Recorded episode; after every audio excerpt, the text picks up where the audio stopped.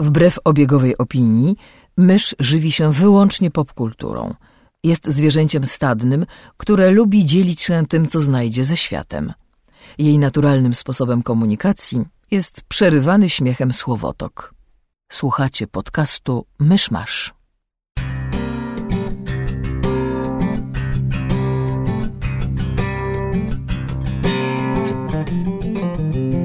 Drodzy słuchacze, może nie było tego słychać, ale w zeszłym tygodniu bardzośmy zdenerwowali mysz podczas nagrania. Dlatego w tym tygodniu postanowiłem być dla niej wyjątkowo miły. Chyba, że mi się znudzi i w połowie postanowię się przekonać, czy uda mi się ją zdenerwować jeszcze bardziej. Pożyjemy, zobaczymy. Zapraszamy na 26 odcinek podcastu Myszmasz. Gospodarzami podcastu Myszmasz są Krzysiek Ceran, redaktor portalu Avalon. Kamil Borek ze studia Kobart. i Mysz, autorka bloga Mysza Mówi. Możemy zacząć od tej tradycji, której się nie trzymamy, to znaczy od rzeczy, o których w tym tygodniu nie mówimy. Proszę bardzo. E, To ja chciałbym mm, po nie mówić o e, Grand Theft Auto 5. Nie będziemy o tym mówić, bo choć jestem właścicielem konsoli od 5 lat, to nigdy się nie przyzwyczaiłem do cen konsolowych gier i, i sobie nowości bardzo rzadko kupuję. Raczej czekam i pożyczam. Mm, Ale w ostatniej polityce, w przeglądzie kulturalnym, Olaf Szewczyk, jeśli dobrze pamiętam autora, zrecenzował Grand Theft Auto 5. Wystawił mu jeden punkt na 6, a potem jest recenzja. No i z recenzji wynika, że to jest bardzo znakomita gra, wsiągająca historia, złożeni bohaterowie, e, po czym e, dochodzimy do Trevora, trzeciego z bohaterów, który jest kompletnym psychopatą i pół recenzji, no to jest jedna kolumna, to nie jest długi tekst, autor poświęca, żeby przywołać e, scenę tortur, w której gracz musi wziąć aktywny udział jako Trevor i że gra nie daje ci wyboru i tam, znaczy masz bardzo szeroki e, wybór, możesz okładać gościa kluczem francuskim, kijem baseballowym, wyrywać mu zęby, e, podtapiać i tak dalej, i tak dalej, i tak dalej, tylko że nie masz wyboru, w sensie musisz wziąć w tym udział. No Mhm. i najwyraźniej gra przekroczyła granicę odporności recenzenta pod względem przemocy. I teraz się zastanawiam, czy to naprawdę jest coś wyjątkowo brutalnego. Takie wróżenie z fusów, bo nie widziałem gry na No oczy. właśnie ja też nie, bo też jakby też mam problem w tym momencie z ceną. Poza tym już Natomiast- teraz gram prawie wyłącznie na PC-cie. Natomiast rozumiem autora recenzji w jednym, to znaczy e, główny argument, czym to Grand Theft Auto różni się od poprzednich, to jest trzech bohaterów, między którymi możesz się swobodnie przełączać. I w tym momencie, jeśli gracie więzi w ciele jednego bohatera i jakby rozsądniejszym wyjściem dla mnie byłoby, żebyś mógł się w tym momencie przełączyć do innego bohatera. Może na przykład musisz to wciąż obejrzeć, ale że gra cię zmusza, żebyś sam to zrobił, Mhm. to jest takie zagranie chyba, żeby szokować i żeby się mówiło o grze. Być może tak, choć z drugiej strony, żeby się mówiło, z drugiej strony o tym nie słyszałem, a gry, e, wcześniej, a GTA jest jakby na tyle samą w sobie brutalną grą, że jakby podejrzewam, że większość osób na to nawet nie zwróciła uwagi. Aż Nie wiem, prawdę mówiąc, czy ja bym osobiście na to zwrócił. Nie wiem, może rzeczywiście scena jest tak mocna, że, że coś się w tobie łamie, ale właśnie zastanawiam się, czy grając w GTA, w którym i tak się, wiesz, e, przejeżdża po tysiącu ludzi i ten e, robi rozpierduchę, czy większość osób zauważyłaby w ogóle, że e, gra coś takiego robi. Jakby, czy te tortury w tym momencie No właśnie też, też rozumowałem tym tokiem, dlatego tak mnie, tak mnie zdziwiła ta recenzja. Czy to aż tak się wyłamuje z, ca- z całej reszty gry, odcina na jej tle, czy autor nie wiedział w co gra? Nie wiem. Nie. A Jeśli będę miał trochę ten gotówki pod ręką, to może sobie sprawię w końcu to GTA, ale to na razie, na razie sobie poczekam jeszcze. O, to, to ja ci kibicuję, spraw sobie, a ja potem pożyczę. Tak, szczególnie, że jakoś e, mnie nigdy GTA tak naprawdę, znaczy y, ostatnie GTA, które naprawdę mi się podobało, to było GTA Vice City, a potem już grałem w te GTA na zasadzie, że okej, fajnie, ale ani San Andreas, ani e, czwórka mnie już tak bardzo nie wciągnęły. Znaczy grałem, bo grałem, ale e, nie wspominam ich jakoś jako wzory gier, tak jak się czasami niektórzy wypowiadają o GTA, że to jest prawdziwa symulacja i w ogóle sandbox o otwarty świat, nie wiadomo co, mnie jakoś to nigdy nie pociągało. Dobra, to chyba już wszystko, o czym nie mówimy w tym tygodniu, tak? Najwyraźniej. No, tak. zobaczymy, o czym jeszcze nie powiemy. Dobrze. E, No to teraz chyba puścimy klip z poprzedniego tygodnia, który się nie zmieścił do poprzedniego odcinka i słuchacze sobie posłuchają przeglądu poprzedniego tygodnia, a my w tym czasie poopowiadamy niecenzuralne dowcipy albo co i, i wrócimy potem. W ramach podcasterskiej rzetelności warto wspomnieć, że teraz to, co będzie, to było nagrane tydzień temu. I zobaczymy się za pół godziny i wrócimy do tego, co w tym, co w tym tygodniu O Jezu. To co, Fajrant, przerwa.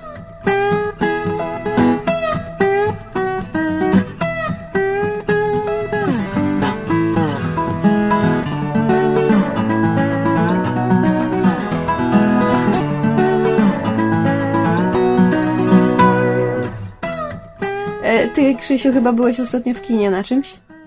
Byłem, a to ja mam zaczynać? No dobrze. A byłem w kinie na filmie Norwegian Wood, który jest ekranizacją powieści Haruki Murakamiego pod tytułem Norwegian Wood, która sama w sobie jest twórczym rozwinięciem wątków z piosenki Beatlesów Norwegian Wood. Co by o filmie powiedzieć? Troszkę o fabule. Akcja toczy się w 1967. Główny bohater nazywa się Watanabe. I kiedy go poznajemy, Poznajemy go oraz jego najbliższego przyjaciela Kizukiego, który z kolei e, chodzi z dziewczyną o imieniu Naoko. Oni są ze sobą parą od, od zawsze, od tam przedszkola czy wczesnej podstawówki. I Kizuki popełnia samobójstwo. To jest trzecia minuta filmu mniej więcej. Po czym Watanabe, nasz bohater i narrator, e, wyjeżdża na studia do Tokio, bo jest tym trochę zdruzgotany i w Tokio unika kontaktów z ludźmi, próbuje się odseparować, czyta książki. I tak to trwa aż do dnia, w którym znowu spotyka Naoko. I tam oni zaczynają, między nimi nawiązuje się taka dość dziwna relacja, a potem jeszcze spotyka inną dziewczynę, Midori, i reszta filmu jest na takim najprostszym poziomie o tym, jak Watanabe miota się między Naoko i Midori. W takim najprostszym ujęciu. Prawdę mówiąc, jak do tej pory to nie brzmi szczególnie fascynująco. No dobra, a to jest najprostsze ujęcie, bo dalej dochodzą wątki tematycznie. To jest film tak o nawiązywaniu się relacji, ale też o poczuciu odpowiedzialności za drugą osobę. E, Jest trochę, trochę taki film przejścia o, o dorastaniu, dojrzewaniu do czegoś. Co tam jeszcze było? Co tam jeszcze było? Jakby tematycznie to jest fajny film. Są tam fajne postaci. Midori jest super. To jest film taki do kontemplacji. On ma bardzo powolne tempo. Jakby nie pamiętam, kiedy ostatnio widziałem film, który miał takie powolne tempo. E, Ale to się fajnie ogląda. Zwłaszcza, że jest bardzo ładnie e, sfilmowany. Zdjęcia są bardzo fajne. Problem pojawia się w momencie, gdy. Może tak, no to jest taki melodramat, chyba. Nie do końca nigdy, nigdy nie wiem, co ta kategoria tak naprawdę znaczy, ale to chyba jest melodramat. A widownia, ten film ma, ma parę lat. Ma już ładnych parę lat. Teraz był pokazywany w ramach festiwalu Kino Pięciu Smaków. Jak sama nazwa wskazuje, festiwal kina azjatyckiego. Mogło być gorzej, mogła być, wiesz, panda na bambusie. I widownia się na filmie podśmiewywała. I to dość często.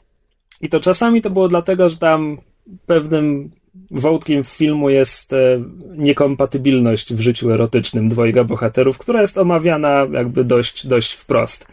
No i najwyraźniej widownia festiwalowa ma mentalność piętnastolatka z gimnazjum, bo nie mogła tego wytrzymać. Co i mi mogło się czasami udzielać, ale to przez tłum. Re- reakcje tłumu. Oczywiście. Tylko i wyłącznie. A po drugie, ten melodramatyzm jest podany w takiej formie Melodramatycznej. nie, e, pod azjatycki gust. Co jest o tyle dziwne, że reżyser wychowywał się we Francji. No ale. Znaczy, y, rozwiń to, że pod azjatycki gust, bo jest jakoś... Już ci mówię. Kiedy na przykład e, prosta rzecz, e, pokazanie, pokazanie sceny, kiedy akcja toczy się w lecie, to to jest lato do potęgi, to promienie słońca przepalają niemal każdy kadr. Kiedy to jest jesień, to deszcz wali w szyby niemal zawsze. Kiedy to jest zima, to wszystko jest pod, pod kołderką puchu i jest biała mgiełka w powietrzu. To po pierwsze. Po drugie, to akurat ma podstawy, bo kiedy, e, kiedy Watanabe i Naoko się spotykają po, ponownie w Tokio, e, ta relacja, która się między nimi nawiązuje, jest na takiej postaci, że oni się spotykają na spacery. I to jest spacer, gdzie Naoko pruje przed siebie, a Watanabe idzie za nią i właściwie nie rozmawiają, ale tak spędzają wspólnie czas.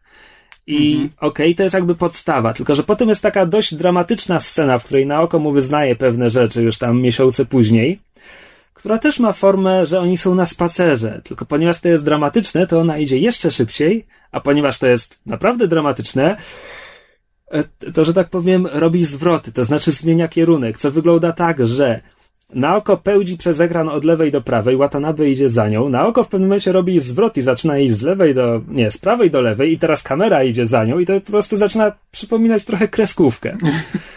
I jakby stylistycznie mam wrażenie, że chodzi o to, że, że azjatyckiej widowni to nie przeszkadza. Mhm. Zresztą nie, to nie chodzi tylko o to, to chodzi też trochę o mm, zbliżenia na, na postaci, to jak, to jak są bohaterowie pokazywani. Jakby jest dużo, dużo takich rzeczy, które po prostu europejskiemu widzowi mogą się wydawać Anachroniczne. nie, Nie, raczej jak etiuda studencka, studenta, A, który chce pokazać, że robi głęboki film, bo go w ten sposób pokazuje, a nie dlatego, że film ma głębie. Tak, to znaczy europejski widz oglądając film azjatycki w- wi- widzi momenty, gdzie jest coś, co jakby w filmie europejskim wyglądałoby inaczej. Cza- Czasami nie do końca można stwierdzić, co to jest, ale na przykład właśnie dłuższe ujęcia, czy jakieś takie Tak, no bo bardzo ja- oderwane od wszystkiego dialogi, które, które nie zawsze mają kontekst i nie zawsze mają sens, ale są takie głębokie i poruszające. Dla mnie to na przykład Tak, bo cecha wiesz, azjatyckiego ktoś, kina. Ktoś, ktoś może, wiesz, nie, nie znać się na analizie filmu, nie, nie mieć Mhm. języka filmowego, ale jeśli ogląda filmy, to po prostu wyczuje takie, takie Tak, różnice. tak. A dla widza azjatyckiego to jest normalne, bo to jest to, jak u nich się kręci na przykład tego typu film, właśnie na przykład melodramat, czy Mhm. komedia u nich się kręci w specyficzny sposób. Ja ostatnio właśnie obejrzałam. Azjatyckie komedie są O, specyficzne. o bardzo. Ja ostatnio obejrzałam Znaczy taki. Azjatyckie, mówię chińskie, japońskie. Obejrzałam ten japoński film o samurajce Ichi się nazywał i to jest taki ni to film akcji, ni to miłosny, ni to komediowy, więc miałam tam po prostu przekrój przez kino azjatyckie i oglądałam ten film z takim po prostu znakiem zapytania nad A głową. widziałeś Zatoichi Takeshiego Kitano? Właśnie za to Ichi nie widziałam, ale teraz obejrzę, żeby sobie To jest to o tym ślepym porównać. sam- To, to samuraju. jest Tak. o ślepym mieczniku No masażyście, a właśnie który Ichi, chyba w pewnym momencie zamienia się w musical. a Ichi jest e, filmem o jego przy, przy nie przygarniętej, o jego Przybranej? adopt, tak, przybranej, adoptowanej e, córce, która też jest niewidoma, ale ona z kolei nie jest mas- masażystką, tylko jest tak, to się chyba nazywa, o Boże, zapomniałam. Organistka. Nie, ale w każdym razie jest, y, jest jedno słowo w japońskim, które oznacza, jap, e, fu, które oznacza niewidomą e, muzyczkę. Pewnie jest. Nie, nie, nie gejko, nie, jakoś, jakoś tak. W każdym razie ona jest, niby jest niewidomą e, muzyczką. That's a, that's a bad word. That's a, that's a very bad word. A, a tak naprawdę jest też e, właśnie wojowniczką samurajką. Przedziwny film, ale obejrzałem go z, z dużą przyjemnością. Właśnie taki, bardzo dużo takich e, estetycznie wysmakowanych ujęć, dłużyzn, takich scen, gdzie bohaterowie tylko na siebie patrzą i nic nie mówią, co jest dziwne, bo ona jest niewidoma. Ale, Ale- czuje go. Tak, ona go czuje tak dokładnie. piękno jego ducha. E, więc ja tutaj jak Krzysiek mówi o, o tym Norwegian Wood, to po pierwsze dla mnie to właśnie brzmi bardzo znajomo ze względu na pewną jakby estetykę kina azjatyckiego, a po drugie tak strasznie słychać w tym, że to jest oparte na Murakami. Ja teraz Tak, prze, jest- przechodzę powoli przez jego książki i widzę wszystkie motywy, które on w każdej książce zawiera. Japoński film na podstawie japońskiego pisarza z japońskimi aktorami, No, zrealizowany przez wietnamskiego reżysera, który wychowywał się we Francji. Wspaniałe. A muzykę robił ktoś z Radiohead. Jeśli dobrze O pamiętam. Jezu, to to jest Ciekawe. patos na patosie i poganiane nutką awangardy. Nie, właśnie to jest fajny film. On tam pewne elementy mi w nim przeszkadzały, ale to jest w porządku film. Mhm. Jakby byłem w czteroosobowej grupie, e, paniom podobał się dużo bardziej niż panom, ale, No, okej. ale mi też się całkiem podobał. E, Dwie uwagi na koniec. Na oko gra znana i lubiana Rinko Kikuchi. Już pamięta. Grała Makomori, Makomori. w Pacific Rimie. A, widzisz. No widzisz. Tak, internety ją kochają, więc teraz już wiem jak się nazywa. I druga Ja już uwaga. zapomniałem. Rinko Kikuchi. Okej. Druga uwaga, nie znam języka japońskiego, ale napisy były fatalne. E, Po prostu strasznie dziwnie brzmiące dialogi, gdzie mógłbym uwierzyć, że to może być po prostu kwestia tego, że są na przykład zbyt dosłownie tłumaczone.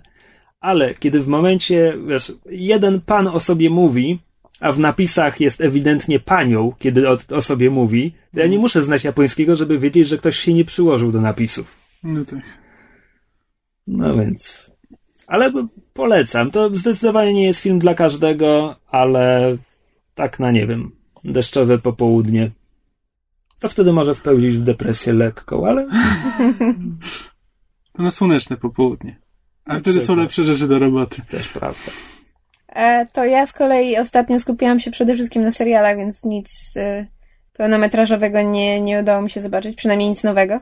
Ale właśnie za to książek ostatnio sporo nowych czytam, bo udało mi się zdobyć e-book readera, więc teraz nadganiam rzeczy, których na przykład nie mogę dostać w druku, a mogę kupić przez internet. E, I między innymi w ramach e, researchu do postaci w e, RPG-u, Legendzie Pięciu Kręgów, która się dzieje w fantastycznej, feudalnej Japonii, zaczęłam czytać em, książkę fantastyczną, chyba, ona jest chyba z lat 80., ale może być późniejszych. Um, autorka nazywa się Keith Johnson, pisane jak Key. To Mhm. się chyba czyta jako Keith Johnson. Um, pod Może tytułem, Kirsch. bardzo możliwe. E, pod tytułem The Fox Woman.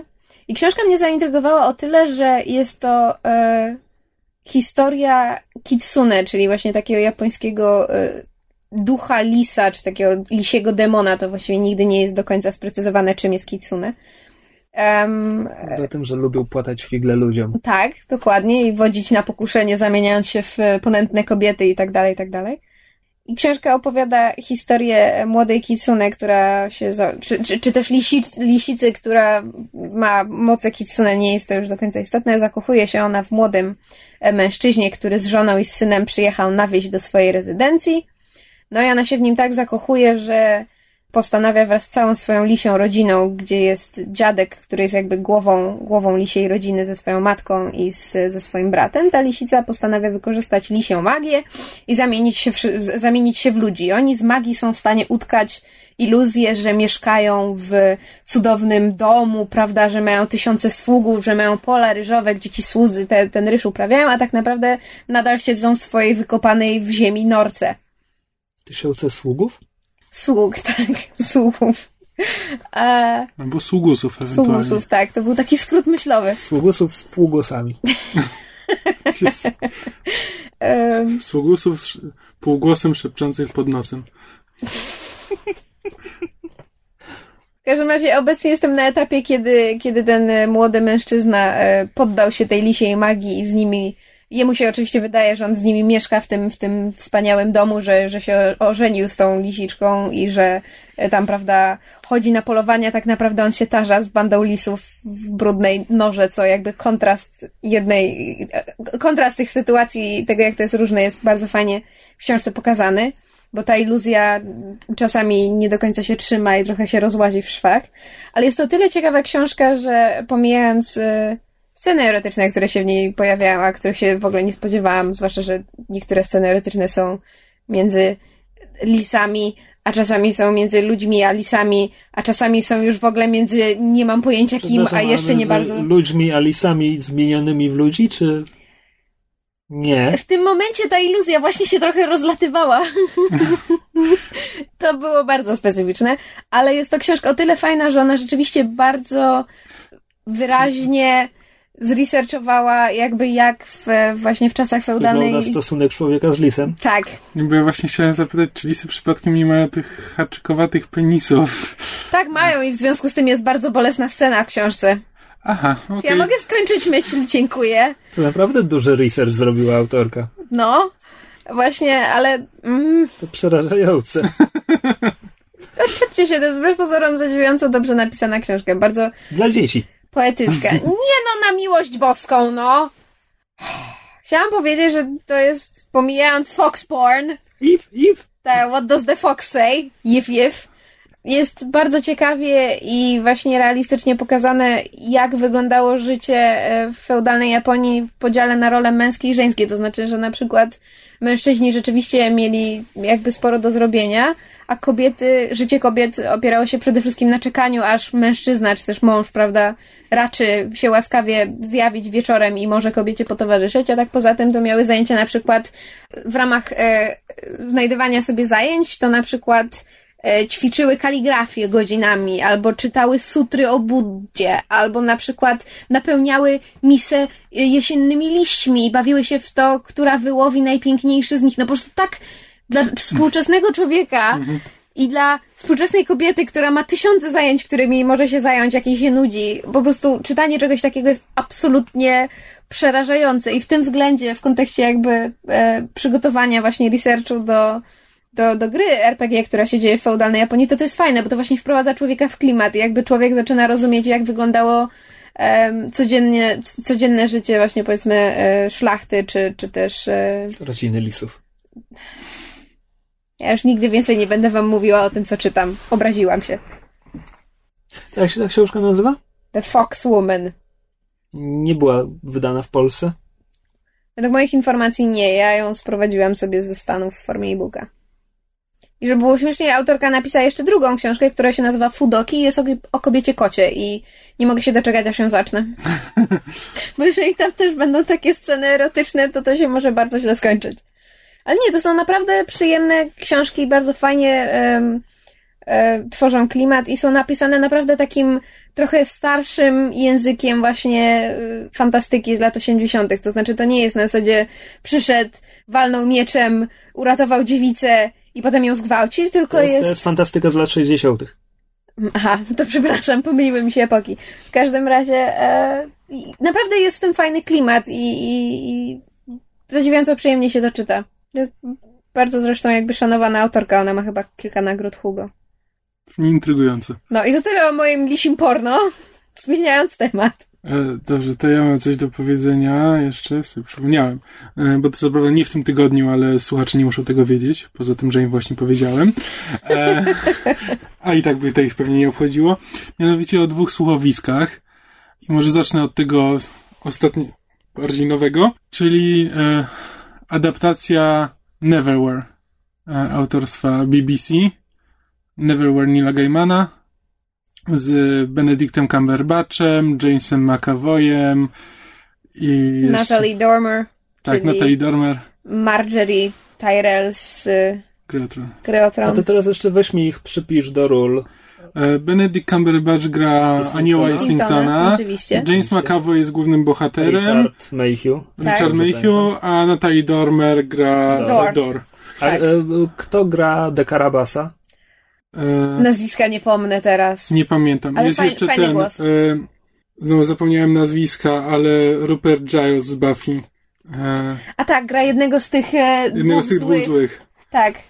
Bo tam jest Mr. Anthony... Anthony Head. Właśnie. Anthony Head, tam jest, bo tam jest Mr. Vander coś tam? Kru, chyba Krupi Wandemar. Tak, Krupi Vander, to on, on gra On gra jednego tego, z nich. tego bardziej inteligentnego.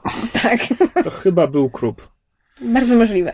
W każdym razie e, ja też, też właśnie myślę, miałam przyjemność tak. słuchać, e, słuchać tego słuchowiska i jest ono, znaczy pod względem jakby jakości wykonania i, i, i pomysłu jest świetnie zrobione.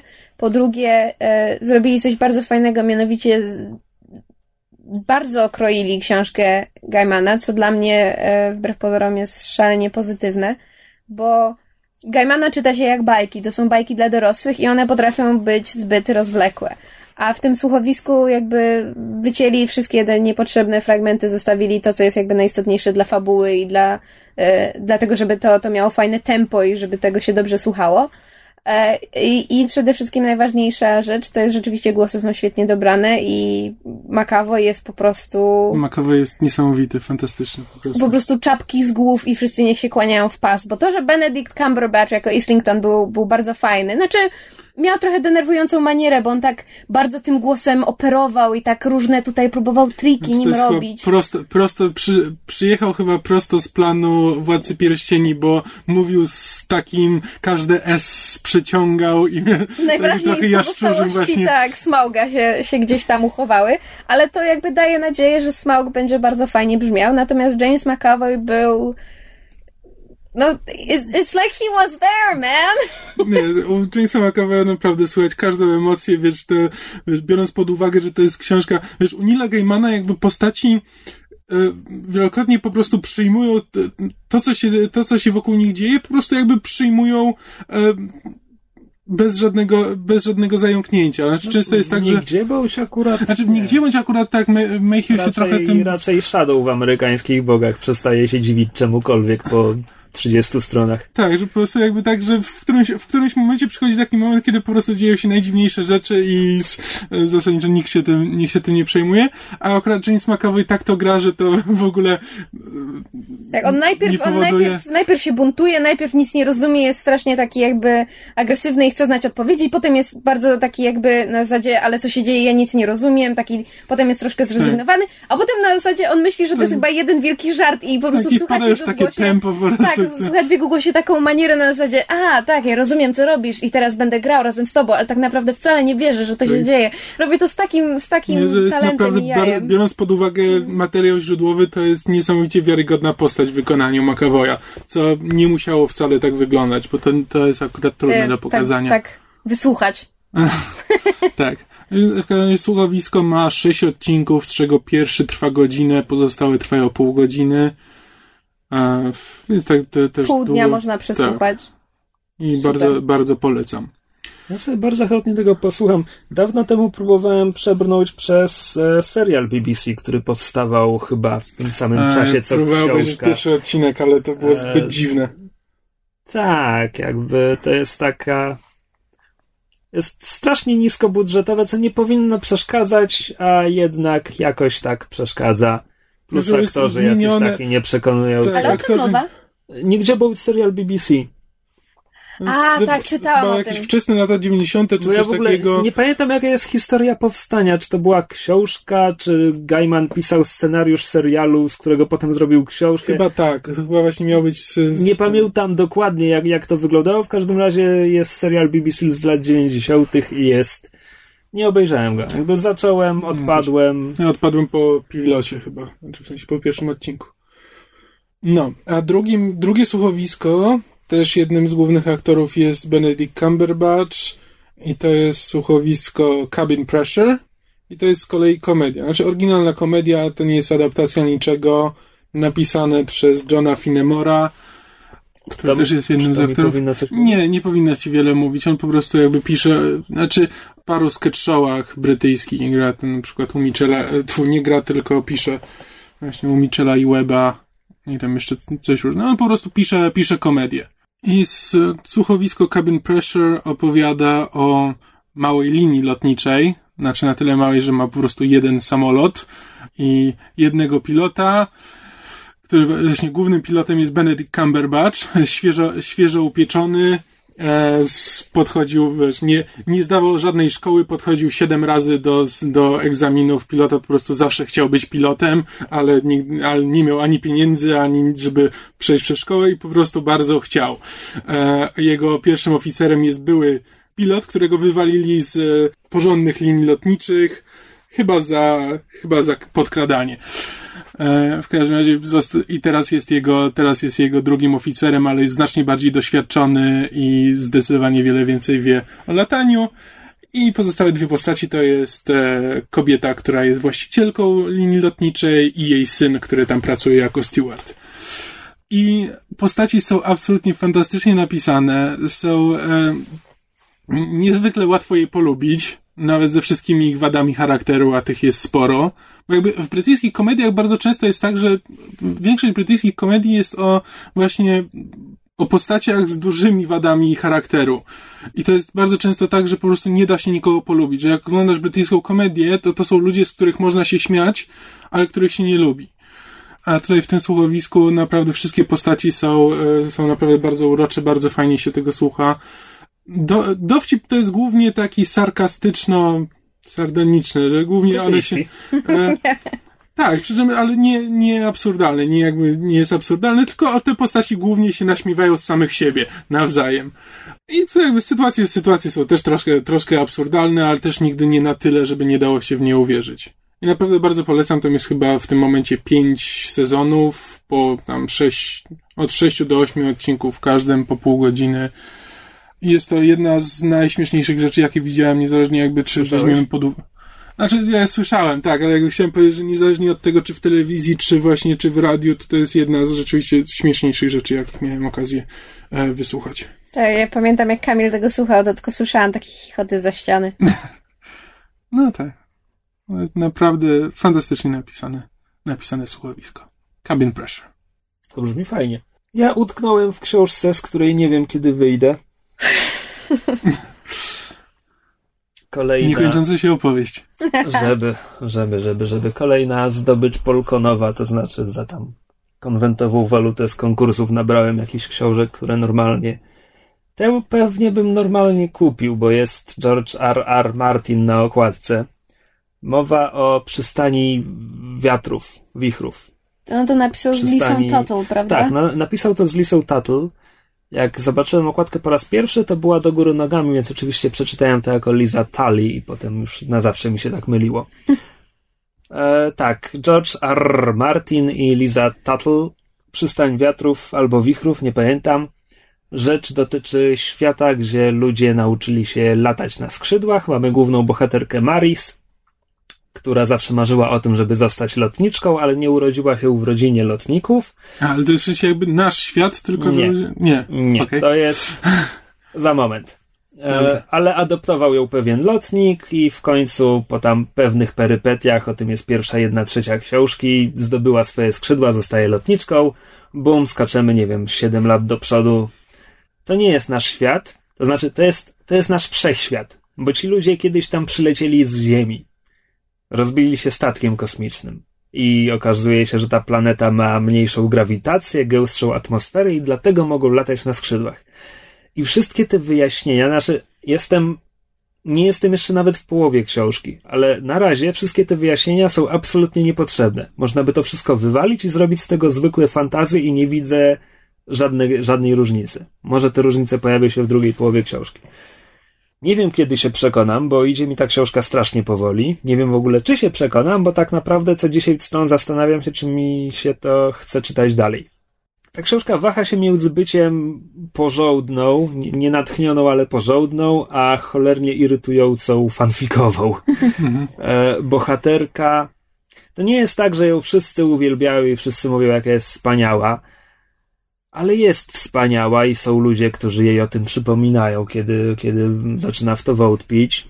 Mm, Są jakieś konflikty między postaciami, jakby to nie jest taki bardzo zły fanfic, może tak.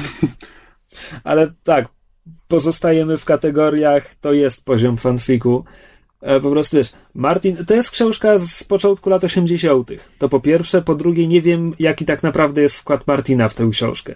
Jest na okładce. No więc Martin, który tam pisze sobie pieśni lodu i ognia i po prostu manipulacje i tam w czwartym tomie dowiadujemy się, kto kogoś nasłał z nożem na, na Brana w pierwszym tomie, po prostu taki rodzaj złożoności fabuły i tak dalej. No w tej książce wszystko jest tak cholernie łopatologiczne. Konflikty są tak bardzo na wierzchu, motywacje są tak bardzo na wierzchu, że wiesz, że tam wszyscy mówią do siebie, no ale ja mam problem z tym, z tym, z tym. No widzę, że ty masz problem z tym, z tym i z tym, ale mój problem jest z tym. No i chyba nie da się naszych problemów pogodzić ze sobą, A to ale sprawia, ja że czuję tak się kocham. bardzo, tak, Tak. bardzo rozgniewany. Czy rzeczy, czy rzeczy po prostu, narracja, która wyczynia takie rzeczy. Jeden z pierwszych przykładów to jest spełzamy pół strony w głowie bohaterki, po prostu wiemy o czym dokładnie myśli i co się dzieje i ona akurat gdzieś tam odlatuje. I ostatnie zdanie rozdziału to jest tam wzniosła się w niebo z tajemniczym uśmiechem. Gdzie do cholery ten uśmiech jest tajemniczy, kiedy narracja nam wykłada dokładnie o czym ona w tej chwili myśli i dookoła na niebie nie ma nikogo, kto mógłby widzieć jej uśmiech i uznać, że to jest tajemniczy uśmiech. No to gdzie to jest tajemniczy uśmiech? I po prostu to, to jest pierdółka, ale kiedy na taką pierdółkę natykasz się na co drugiej stronie, że, że wiesz, ja siedzę w autobusie, czytam książkę i zaczynam się nią walić w czoło, bo jest coś tak głupiego w narracji. Nie wiem, czy ją, nie wiem, czy dotrwam do końca. Rzadko puszczam książkę w połowie, jak już ją zacząłem, ale nie wiem, nie wiem, czy jest po co się męczyć. No tak. A jeszcze mój problem z Martinem polega na tym, że ja kiedyś myślałem, że jestem jego fanem, No a teraz im więcej go czytam, tym bardziej przekonuję się, że jestem tylko fanem gry o Tron, a nie Martina konkretnie, bo czytałem e, jaki jest polski tytuł tego dzieła, chyba Rock Armagedonu, oryginalny Mhm. tytuł Armageddon Rug, który jest może to po prostu nie jest książka dla mnie, bo jest o muzykach rockowych i w ogóle. Czytałem ostatni rejs Fever Dream, który to polski tytuł jakby rozprawia się z dwuznacznością oryginalnego, no ale kogo to obchodzi. Który jest um, Czyli co? Nie... Fever Dream. To jest nazwa, to jest nazwa parostatku, tylko jakby fev, jak przemieszać literki, to jest z tego Fever Dream. Aha, I jakby ta gra słów chyba ma jakieś znaczenie w książce, już zdążyłem zapomnieć. okej. I to jest w porządku, jakby jest fajnie oddane, nie wiem, bodajże stan Mississippi tuż sprzed wojny secesyjnej, plus te informacje o parostatkach, to jest wszystko fajne. Tylko, że to jest książka o wampirach i znowu A właśnie tytuł brzmiał znajomo. chyba wolałbym, gdyby to było tylko o parostatkach na Mississippi w XIX wieku, bo te wampiry no są i niby Martin robi z nimi coś w miarę ciekawego, ale no, książka jak- jakby książka jak książka. Właśnie ja, nawet czytając gry o Tron, jakby ja bardzo lubię gry o Tron za to, co się tam dzieje, ale nie za nie za pisarstwo koniecznie. Ja lubię, jakby styl gry o Tron, styl jakim gra o Tron jest napisana, mi się podoba. Znaczy, on mi się podoba, tylko on jest momentami. Wiesz, znaczy, e, na przykład to jest, to jest niby pierdółka, ale właśnie Martin ma takie swoje ulubione powiedza, e, powiedzonka, znaczy jakby czytając po angielsku, tam co drugą stronę ktoś jest it was all he could do not to coś tam. I on tego i bardzo nadużywa i ma parę takich konstrukcji zdaniowych, które po prostu uwielbia i się ich ten, i się ich nie może pozbyć. Tak, dru- drugie takie to jest, że ktoś coś robi lub mówi not unkindly. No tak. Znaczy, to są właśnie takie pierdółki, które jakby potem sprawiają, że ja zaczynam zwracać znacznie większą uwagę na e, jakby sposób pisania i mam wrażenie, że ten sposób pisania momentami jest właśnie leniwy, że to jakby, że jest pisane, że e, owszem, Martin ma pomysły i on je po prostu spisuje, że to nie jest, wiesz... Zwróć e, uwagę na to, że gra o Tron to jest tam zawsze 1000-1500 tak, no, stron. ciężko, ciężko zwracać taką uwagę Więc na w tym język. momencie nie, ale- w tym momencie to, o czym ty mówisz grze o Tron, to naprawdę są pierdółki. W przystani wiatrów, ewentualnie wichrów, nie chce mi się sprawdzać, e, to są po prostu rzeczy, które mnie wkurzają jako Jasne. czytelnika. Nie, nie, rozumiem. Nie, jakby nie, nie twierdzę, że gra o Tron jest źle napisana. Po prostu jakby nie uważam, że y, Martin jest genialnym pisarzem. Ma jakby ma bardzo dobre pomysły, ale jakby pisarzem jest po prostu dobrym, może nawet bardzo dobrym, ale nie genialnym. No więc ja pewnie jeszcze kiedyś zrobię podejście do takiego cyklu, który on pisze z mnóstwem innych autorów. Nazywa się to to Wildcards i podobno jest fajne. A, tak, słyszałem o tym. I to chyba będzie moje ostatnie podejście do Martina spoza Wildcard to jest chyba o superbohaterach. Tak, prawda? I tak, i nie. To jest o ludziach e, z, z Tak, umiejętnościami coś jak Watchmen, bohaterów, tylko, tylko, że- że kompletnie bez kostiumów, bez tego. Oni są chyba najemnikami. Mhm. Jest po prostu, gdybyś, gdyby w naszym świecie ludzie mieli supermoce, Tak, tak, to tak. co by z nimi zrobili? Znaleźliby sposób, żeby na nich zarabiać. I Jasne. podobno o tym jest Wildcards. No, a ta przystań wiatrów, ewentualnie wichrów, no, noszę ją ze sobą, jeszcze się męczę. Jeszcze zobaczymy, jak, jak za tydzień jeszcze będę ją czytał, to pewnie ją dokończę.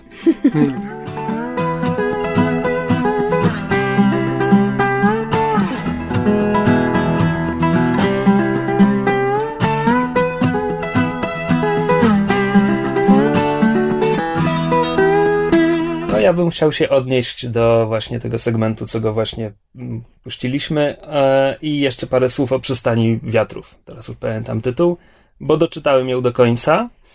Mm, robi się lepsza w drugiej połowie, to znaczy robi się interesująca w drugiej połowie, a ostatnia jedna czwarta jest taka nawet wciągająca. Wow.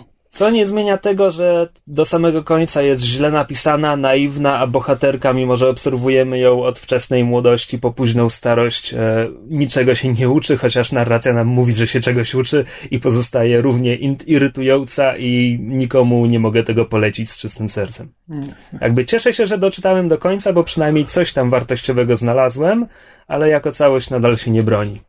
Unikać, zdecydowanie unikać. Przystań, wiatrów, George, Rara, Martin i Lisa Tuttle. O, nie czytać. Ja z kolei skończyłam e, ten lisie porno. I muszę powiedzieć, że była to bardzo przyjemna lektura. To znaczy, do tego stopnia e, jakby stworzyła e, świat i bardzo specyficznym językiem była pisana, że teraz jak zaczęłam czytać zupełnie inną książkę, też fantastykę, ale jakby zupełnie innej autorki, zupełnie inny klimat, to strasznie tęsknię za tym światem tego lisiego porno, bo to jakoś naprawdę miało bardzo, bardzo, tak powiem, fajnie przedstawiony ten klimat. Na szczęście mam jeszcze jedną książkę tej autorki. Więc jeżeli ktoś y, po angielsku, że tak powiem, interesuje się feudalną Japonią, fantastyką i nie wiem, może ktoś lisim porno, to bardzo polecam. tak, y, The Fox Woman, Keith Johnson. I w razie czego w następnych tygodniach będę donosiła, czy jej kolejna książka Fudoki o kobiecie kocie jest równie, ma równie fascynującą zawartość. Aż to, to są dwie czy trzy książki? Jest jeszcze jedna w serii? Czy? E, Znaczy to jakby nie jest seria, ona po prostu napisała więcej niż jedną książkę, która się dzieje w, e, właśnie w, jakby w Azji, bo ta, akurat chyba ta, ta o kobiecie kocie jest chyba nie w Japonii, tylko w Chinach może? Tak mi się wydaje. W każdym razie e, miała właśnie parę książek e, o, o takich e, kobieco-zwierzęcych demonach w, w, w Azji. Zresztą to jest dość, e, że tak powiem, znany motyw w azjatyckiej mitologii. E, I najwyraźniej tę konkretną autorkę temat zafascynował. E, Mówię, naprawdę bardzo fajnie się te książki czytało, mają bardzo specyficzny klimat, więc, więc możliwe, że sięgnę jeszcze po parę jej pozycji, zależnie od tego, co mi się uda zdobyć. To ja chciałbym w takim razie porozmawiać o zakończeniu Dextera i Breaking Bad. La la la la Be- la la. Bez spoilerowo. La, la, Bez la, spoilerowo. Bo mysz jeszcze nie dogoniła Dextera. E, nie, nie wiem i prawdopodobnie sporo osób nie dogoniło i prawdopodobnie sporo osób się zmęczyło Dexterem i nawet nie, nie ma zamiaru dokończyć. e, Ile on miał w końcu sezonów? To był siódmy? Okej, jestem, Albo pra- jestem prawie... Siódmy albo ósmy, ale chyba siódmy był. To jestem pięć albo, albo sześć sezonów do tyłu. Nie, bo siódmy był z tym rosyjskim mafiozą. Szósty był z Apokalipsą, siódmy był z tym rosyjskim mafiozą, to teraz był ósmy i ostatni. Dexter z Apokalipsą? Co? O tak! Cztery jeźdźce Apokalipsy. I'm not kidding. A jakiś religijny morderca, no. No. Aha. Bardzo fajny sezon zresztą, jeden z lepszych. Było parę fajnych momentów.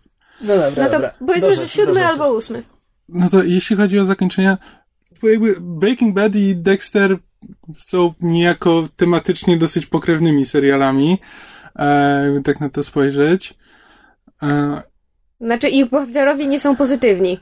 no tak, że jakby oglądamy, oglądamy, znaczy no w wypadku Dextera to jest antybohater, w wypadku Breaking Bad no to właściwie nie wiadomo dokładnie, no to no w każdym razie nie jest to pozytywna postać, zdecydowanie. E, choć też antybohaterem bym tego nie nazwał. No i tak, i Dexter zakończył na bardzo poetyckiej nucie. Po prostu ostatni odcinek to jest symbolika i symetria i w, y, bardzo chcieli, bardzo chcieli to pokazać, że wybrali, wybrali na mordercę sezonu y, lustrzane odbicie Dextera i ostatnie, ostatnie sceny są po prostu przepełnione sym, symboliką. Natomiast Breaking Bad zakończyło na dosyć niespodziewanej nucie. Właściwie nawet nie, nie tyle niespodziewanej. Właśnie doprowadziło swoje wątki do końca. I jakby zakończenie, zakończenie sezonu, znaczy zakończenie serialu jest po prostu dosyć logicznym zakończeniem tych wątków, tego co, tego co się działo. Tak, ale słyszałam w internecie bardzo głośne głosy sprzeciwu odnośnie Znaczy- zakończenia Breaking Bad, bo akurat wiem jak się kończy Breaking Bad, bo internet mi zdążył zespoilować.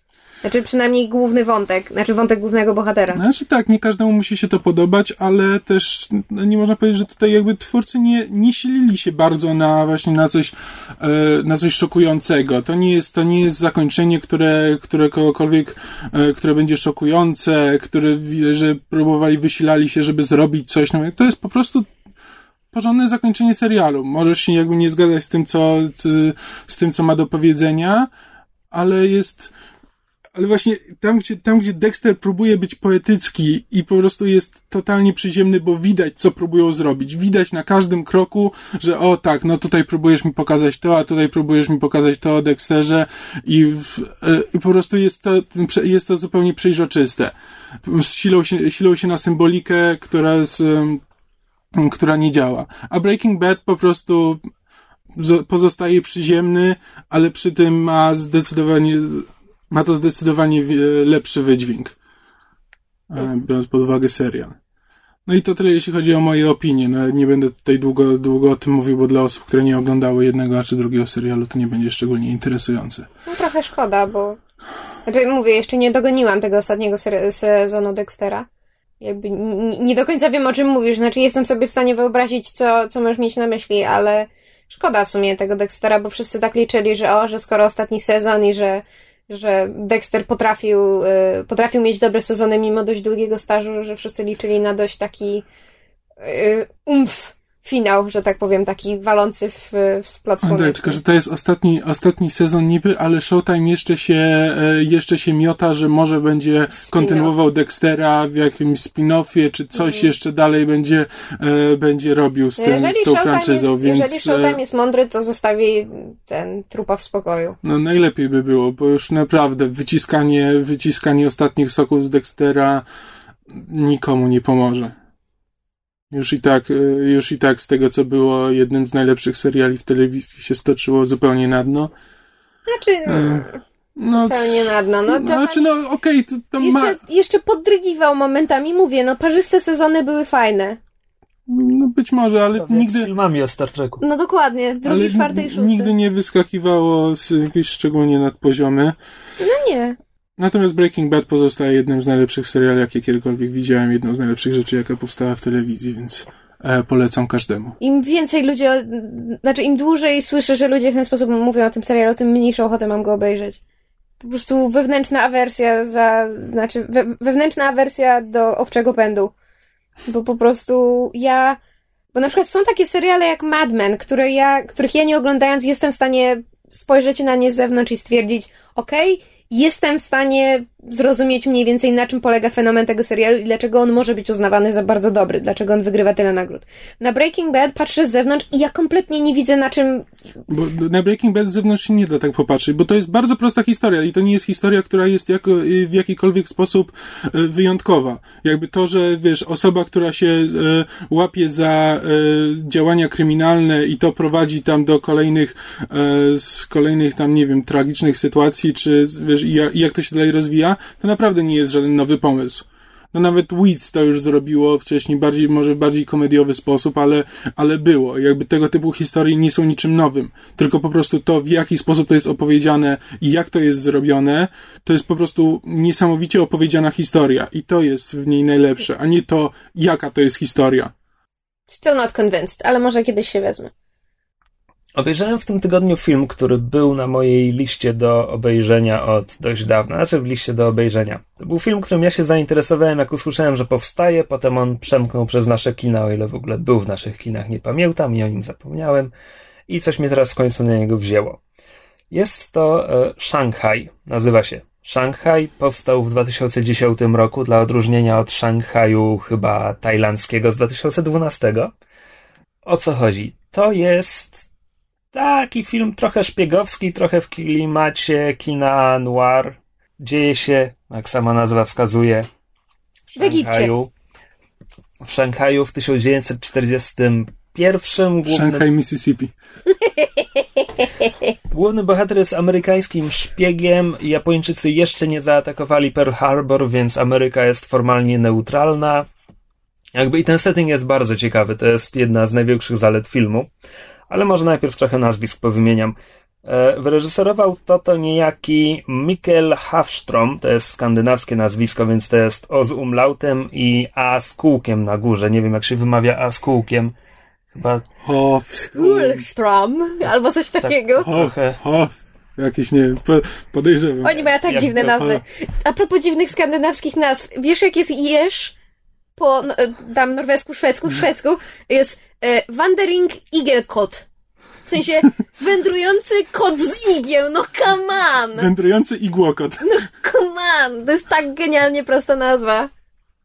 No teraz masz logikę skandynawskich nazwisk, no, kontynuuj. No dobra. E, I ten Mikkel Hafstrom wyreżyserował też takie filmy jak Wykolejony z Clive'em Owenem i Jennifer Aniston. Może kojarzysz? Zaczęłam oglądać, nie zdzierżyłam. Ja nawet nie próbowałem, ale było coś takiego. Oraz e, 1408 z Johnem Cusackiem. Widziałam. E, I tutaj mam bardzo dziwne e, wrażenie, że wszyscy inni ludzie oglądali zupełnie inny film niż ja, dlatego że to jest na podstawie Kinga i opowiadanie jest zupełnie inne i moim zdaniem lepsze, a wszyscy twierdzą na odwrót, że film jest lepszy. Właśnie dlatego, że jest zupełnie inny niż, niż opowiadanie. Ale ja się z tym nie zgadzam. E, Filmu nie widziałem, ale reżyser musiał się polubić z Johnem Cusackiem, ponieważ to on gra głównego bohatera Szanghaju. Uuu, John Cusack to jest człowiek z charyzmą śniętej ryby, ale tutaj to się sprawdza, bo on gra takiego szpiega trochę z tej realistycznej szkoły pokazywania szpiegostwa, to znaczy on udaje dziennikarza i jakby ma się nie wyróżniać, więc to jakoś tam pasuje. A w obsadzie grają wszyscy, to znaczy Szanghaj w 1941 roku to jest jeszcze miasto pozostałość po epoce kolonialnej. To miasto jest podzielone na sektory. Jest sektor francuski, niemiecki, japoński. E, Chiny przez poprzednie półtora wieku były po prostu szarpane przez wszystkie imperia świata, a w tym momencie e, są podbijane przez Japonię. Druga wojna światowa, tak jak my ją rozumiemy, że od 39 do 45, czy tak jak to Amerykanie rozumieją, od 41 do 45, e, to w Azji jest tylko epizod dużo większego konfliktu, bo tam cesarstwo japońskie zaczęło, zaczęło rozszerzać swoje wpływy w Chinach i, i ówdzie już tam kilkanaście lat wcześniej, więc tam walki trwały dużo dłużej i skończyły się też tak naprawdę dopiero w 49. Więc Japończycy już e, żołdzą jakby przybrzeżną częścią Chin. Szanghaj jest jeszcze formalnie neutralny, bo tam właśnie władze sprawują te e, no właściwie te dawne mocarstwa, tak mówiłem, sektor niemiecki, francuski i tak dalej. Przy czym Japończycy właściwie już oblegają miasto, jeszcze tam formalnie nie weszli, jeszcze butem nie docisnęli, ale, ale wszystko jest jasne. Działa już chiński ruch oporu, także tam jest bardzo dużo takich sił i bardzo wielu bohaterów. I kiedy mówię, że w filmie grają wszyscy, to, to w filmie grają wszyscy. Główny japoński oficer, jakiego poznajemy w filmie, y, Ken Watanabe. oczywiście. Y, Główny chiński mafiozo z triady, y, Chow Yun-fat. Oczywiście. Oczywiście. Główna chińska bohaterka, żona chińskiego mafioza, ale należąca do ruchu oporu, oczywiście, Gong Li. Cześć, cześć, Gongli. Um, bodajże najsłynniejsza jej rola to Żegnaj moja kurtyzano, jeśli teraz czegoś nie mylę.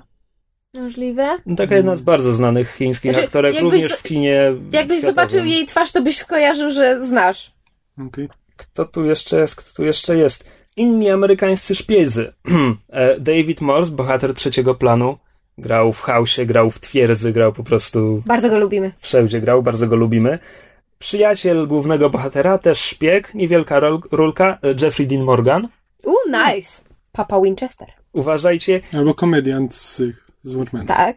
niemiecka e, kochanka naszego głównego bohatera, która pojawia się chyba w dwóch scenach, Franka Potente, a japońska kochanka prawie wszystkich na ekranie trzy słowa wypowiada w filmie, bo jest uzależniona od opium i po prostu nieprzytomna przez cały czas, kiedy jest na ekranie, Rinko Kikuchi. Nice. Okej. To jest definitywnie film, który należy obejrzeć. Czyli po prostu wzięli czołowych, czołowych aktorów z każdego kraju, który się pojawia na No, ekranie. poza amerykańskimi, umówmy się, John No tak. Jeffrey Dean Morgan. To raczej jest To taka... nie jest czołówka. Ale no, mówię o tych zagranicznych, mówię o tych zagranicznych aktorach. Tak, tak, ci, ci zagraniczni Jeszcze zdecydowanie. Brakuje Matsa Mikkelsena. Prawda, tak. I tej, no, jakiej tam... No, Narodowość, o kim myślisz? francuska. O Marion. Cotillard. Tak, O, Marion Cotillard. No dobra, tak. Aż tylu narodowości nie ma, nie ma na ekranie.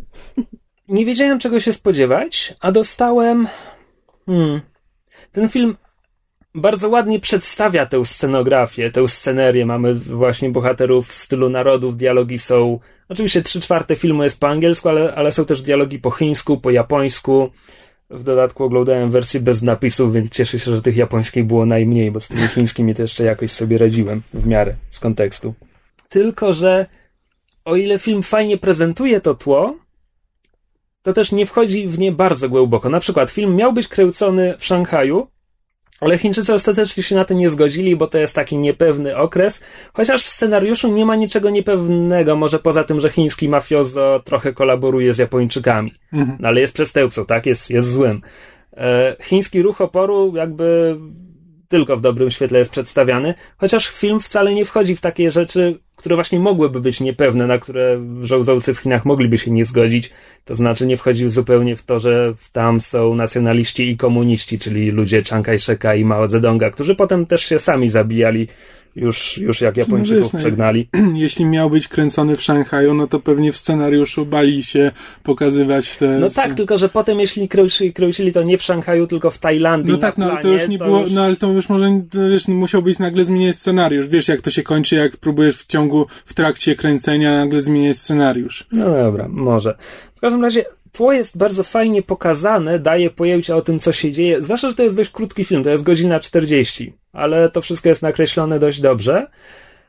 Ale tak naprawdę nie jest wykorzystane. To znaczy, ten film, akcję można by przenieść do Paryża, kiedy jeszcze Amerykanie nie wypowiedzieli wojny Hitlerowi, i zmian wymagałoby może 10% filmu. Tak naprawdę konstrukcja opowieści, to, że ta bohaterka jest z ruchu oporu, to, że tu jest kolaborujący przestępca, to wszystko jakby jest dość uniwersalne.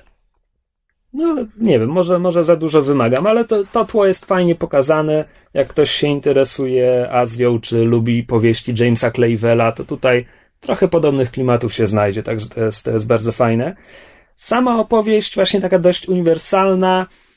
Trochę się bałem, bo w pewnym momencie nasz bohater wpada na trop, nagle się orientuje, że e, przepadło całkiem sporo okrętów japońskiej floty i że nie wiadomo gdzie są i wszyscy to zbywają. My widzowie wiemy, że wpadł na trop okrętów, które zaraz zaatakują Pearl Harbor i zacząłem się obawiać, że to pójdzie w taką jakąś amerykańskość. Może, może dlatego, że film Pearl Harbor mnie bardzo negatywnie nastawił do wszystkich motywów związanych z atakiem na Pearl Harbor w kinie. Mm, ale unikamy tego. Jakby kwestia ataku pojawia się, bo w, w końcówce filmu, końcówka filmu toczy się, toczy się już po ataku, kiedy już Japonia wypowiedziała wojnę Stanom. Ale skala jest bardzo niewielka. Tak naprawdę bohater Johna Cusacka przybywa do Szanghaju, żeby mm, dowiedzieć się, e, kto zabił jego przyjaciela a potem to się toczy wokół jednej kobiety i jej losów. I to jest właśnie taka mała skala na, na tle dużych wydarzeń. I to też wypada bardzo fajnie. Napisał to, to scenariusz. W ogóle oglądałem ten film, byłem przekonany, że oglądam e, adaptację jakiejś powieści. Bo Hmm. mówię, bo tam naprawdę jest mnóstwo postaci, dobrze nakreślonych, fajne tło i to naprawdę miałem wrażenie, że ktoś ekranizuje powieść. Z tego co wiem, a naprawdę starałem się do tego dojść, to jest scenariusz oryginalny. Autorem jest Hossein Amini, Irańczyk, i napisał takie rzeczy jak e, Drive z Ryanem Goslingiem, Królewnę Śnieżkę i Łowcę, a także, uwaga, e, nadchodzących 47 Roninów z Keanu Reevesem, Uuu. w których również zagra Rinko Kikuchi. Swoją drogą ja bym poszła na tych 47 Roninów. No, Oddly enough. też. Zobaczyć, czy Keanu Drewno Reeves jeszcze jest w stanie coś zagrać. Wciąż nie rozumiem, czemu on ma grać japońskiego samuraja. Because he kinda looks Asian? No bo jest Hawajczykiem i ma prawdopodobnie, wiesz... Tak, na tej samej zasadzie, na jakiej Johnny Depp gra Indianina. To, to, no, to jest jakby argument za moim argumentem, a nie twoim. Nie, no tak, właśnie mówię. Ja Nie no, przyna- ja tego nie nie, no, usprawiedliwiam, Ale ja się przynajmniej, śmieję. ale przynajmniej Keanu Reeves autentycznie jest z Hawajów, czyli e, ma prawdopodobnie jakichś Japończyków e, w, w swojej krwi. E, to źle brzmi. Nie to chciałem powiedzieć, ale Kiedy, tak, kiedyś zjadł Japończyka. tak tam upływają. E, Znaczy nie, no, on, on tam ćwiczy jakieś sztuki walki, może rzeczywiście będzie w tym, w tym niezły. Mówię, zobaczymy, pożyjemy, zobaczymy. No dobra, wracając jeszcze na moment do Szanghaju. Bardzo fajna scenografia, fajni bohaterowie, bardzo standardowa historia, co w gruncie rzeczy nie jest wadą. Naprawdę ten film, z jednej strony spodziewałem się po nim więcej, z drugiej strony jest bardzo zręcznie zrobiony, bardzo są ładne zdjęcia. Tam chyba nawet, chyba nawet operator jakiś hołd składa niemieckiemu ekspresjonizmowi, bo tam i kamerę przechyla i ludzie gigantyczne cienie rzucają na ściany. Bardzo ładnie to wygląda. Z takiego składania hołdów Chow Yun-fat e, przypomina swoje role e, z hongkońskiego kina akcji e, u Johna Woo, bo jakby kilka najbardziej spektakularnych strzelanin to, to, to bierze, bierze udział i, i się popisuje. Fajna rzecz, z muzyką Klausa Badelta i uwaga, e, solo fortepianowe Lang Langa. To taki bardzo znany chiński pianista. Skoro tak mówisz. Także warto to obejrzeć, a film jakoś kompletnie przepadł. Właściwie do końca nie rozumiem. Gdyby, gdyby nie zagrał, znaczy inaczej. Gdyby zamiast Johna Cusacka producentom udało się nająć do tego, nie wiem, Cluneya czy kogoś, to to moim zdaniem to byłby hit. Bo to jest naprawdę fajna rzecz, która jakoś kompletnie po prostu przeszła nie, niezauważona. No dobrze, to w takim razie ja bym chciał powiedzieć e, też szybko. Przeczytałem jeden dosłownie zeszyt komiksowy, Mm, to się chwali, brawo. czyli Lobo w, nowy, w, te, w New 55. Bo byłem ciekaw, bo widziałem newsa, że zmieniają, e, zmieniają wizerunek Lobo i chciałem zobaczyć o co chodzi. Więc sobie przeczytałem ten jeden zeszycik, w którym go wprowadzają. A, to jest zeszyt w ramach tego miesiąca łotrów. Tak, tak. E, DC na miesiąc zawiesiło wydawanie swoich normalnych serii i zamiast tego wydawało, znaczy to się chyba liczy jako tam kolejne numery normalnych serii, tylko to jest na przykład e, nie wiem, zamiast Batman The Dark Knight jest, jest przekreślony i jest tytuł Pingwin albo coś tam. Mhm. Ja mam duży sentyment do Lobo, bo to jest Czemu? Bo to jest jeden z pierwszych antybohaterów, których ja poznałem. Jakoś gdzieś tam na poziomie gimnazjum e, wpadł mi w ręce i po prostu. I, i to, był, to był jakby pierwszy antybohater i spotkałem się w ogóle z taką koncepcją tego, tego rodzaju postaci. I to jakby było dla mnie nowe i bardzo interesujące, dlatego się w to wciągnąłem. E, ale to było, to było, to było dawno temu i już przestałem jakby podążać. Nie wiem, co się teraz dzieje z Lobo. E, Coś chyba jakieś ma występy w Justice League, czy coś. E, Nie, nie, nie, ale on się. To znaczy, po tym, po tym reboocie pojawiał się w serii. Ojej, ja się za słabo interesuję DC, bodajże Stormwatch czy coś takiego. właśnie, I tam właśnie. się pojawiał Lobo, który wyglądał jak stary Lobo. Bo to jest. Ja nie, nie, nie wiesz nic na temat tego, tego rebootu. Nie, nie, nie, To znaczy, nie no, wiem, wiem, że przeczytałem ten zeszyt, o którym Aha, mówisz. przeczytałeś, no więc, więc wiem, że ten nowy Lobo, to ten, który zostaje teraz przedstawiony, to ma być prawdziwy Lobo, a Lobo, którego czytelnicy widzieli w tamtej serii, to jest jakiś podszywacz. Tak, się ładnie się mówi. podszywa pod tamtego Lobo. No i nie wiem, no, nie jestem przekonany do tego nowego Lobo. Dla mnie, dla mnie to nie jest Lobo, hashtag nie mój Lobo. Nie za bardzo właśnie wiem, e, wiem do czego, do czego oni dążą, czy właśnie i co się dalej stanie, czy, czy będą, czy będzie po prostu dwóch Lobów, ten nowy i ten stary, czy mają zamiar któregoś zabić i już zostać przy, na przykład przy tym nowym. Bo nie wiem, nie, nie spotkałem się z żadną pozytywną opinią na temat Lobo. Tam wchodziłem na, wiesz, na stronę DC, e, wchodziłem tam na jakieś różne fora i praktycznie, praktycznie same wszyscy narzekają, że to nie jest Lobo. No i ja się poniekąd z tym zgadzam. No po prostu nie, to nie jest, to nie jest ten bohater, którego, znaczy no to jest po prostu zwykły, zwykły antybohater. No owszem, jest zabójca na zlecenie, bez, e, bez sumienia praktycznie, ale też jakby nie ma, nie ma w sobie nic, nic interesującego. No ciężko mówić po jednym zeszycie, no naprawdę to tutaj może nie jest dobry, nie powinienem komentować, bo tak, nie wiem, na mnie to nie zrobiło dobrego wrażenia. Słuchaj, ja nigdy, nigdy nie byłem lobbystą. W zasadzie postać mi wisiała od dawna, ale to jest o tyle ciekawy przypadek, że Lobo został stworzony jako parodia antybohaterów z lat 80., a został entuzjastycznie odebrany przez fanów, którzy przyjęli go po prostu takiego, jakim był, właśnie nie jako parodię, tylko jako antybohatera. Ja go poznałem jak miałem, nie wiem, 14 lat, coś takiego. 13, nie wiem, co, coś w tym stylu, więc dla mnie to było właśnie pierwsze spotkanie, więc ja tego nie odebrałem jako parodię, bo nie miałem do czego tej parodii odnieść. I jakby i mi się spodobało, więc być może to jest na tej zasadzie. No tak, i właśnie tutaj w tym nowym Lobo widzę, że chyba DC próbuje, właśnie uznaje, że, że nikt nie odebrał Lobo tak, jak miał być odebranym, czyli jako parodię, więc dlatego chcą go przedstawić po swojemu na poważnie. Zamiast po prostu trzymać się tego, co się jakoś No tam właśnie- sprawdzało przez ostatnie lata. ta powaga mi przeszkadza. Jakby Lobo dla mnie nie był poważną postacią. I jakby ja tego też nie odbierałem jako takiego antybohatera. Dla mnie to było właśnie trochę tak, trochę komediowe, trochę groteskowe. I to mi się w tym podobało. A jeśli teraz chcą po prostu zrobić antybohatera i to wszystko na poważnie, no to mało mnie to obchodzi. Mnie to obchodzi jeszcze Znaczy, no, dobrze, tak. Natomiast e, Lobo tak nie jest, e, i tak nie wyszedł najgorzej na reboocie.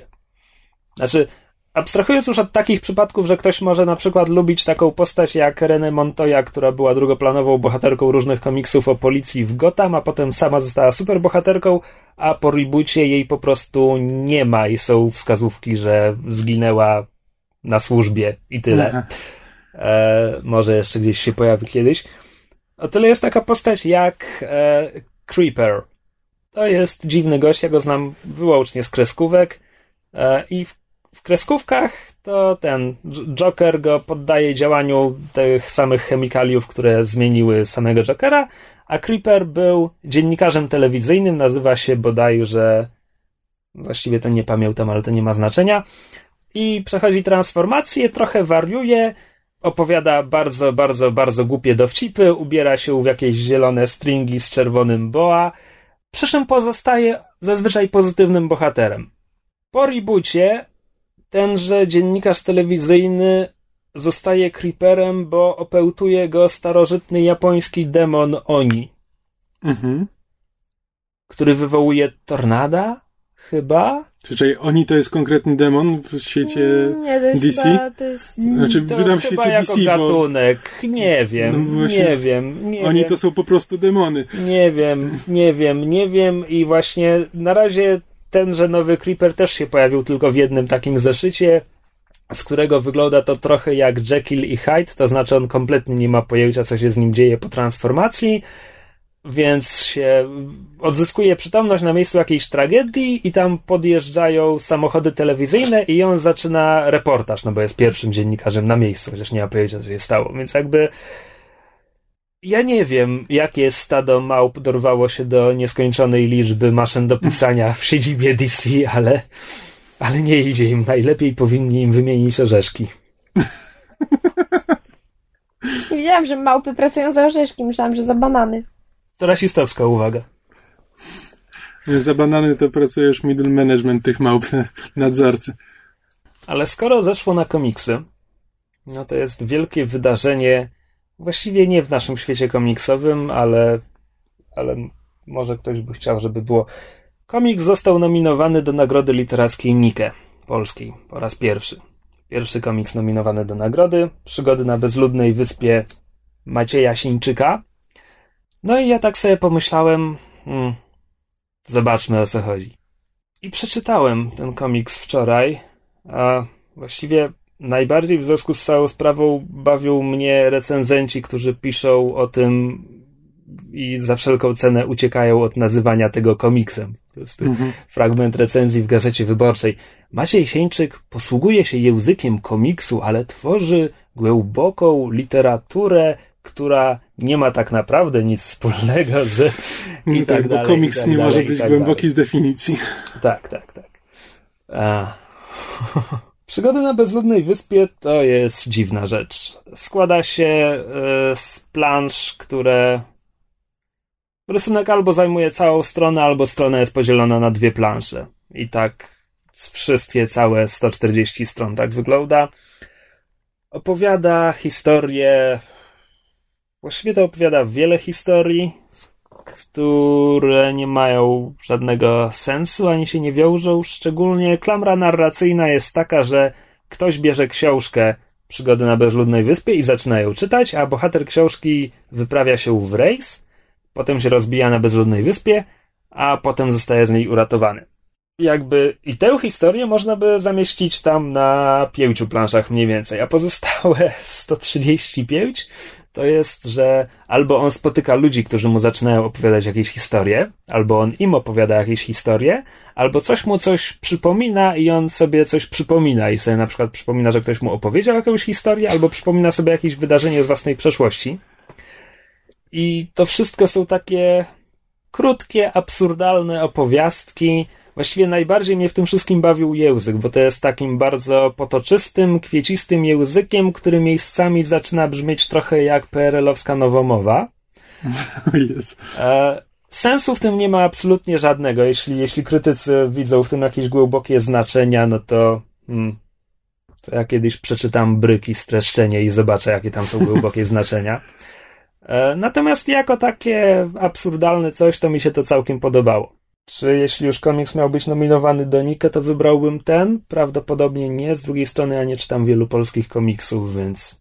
Więc w gruncie rzeczy tak, informuję, że jest taki produkt tak- i że został zauważony przez literacką krytykę. A tak jakbyś miał polecić komuś ten komiks a biegun. Jezus Maria, biegun. Biegun za... za. Biegun to jest fajna historia. Przygody na bezludnej wyspie to jest coś eksperymentalnego. Jak ktoś lubi coś eksperymentalnego, proszę bardzo. Jasne. Ja nie bardzo. No Ja też nie bardzo, więc chyba raczej sobie odpuszczę.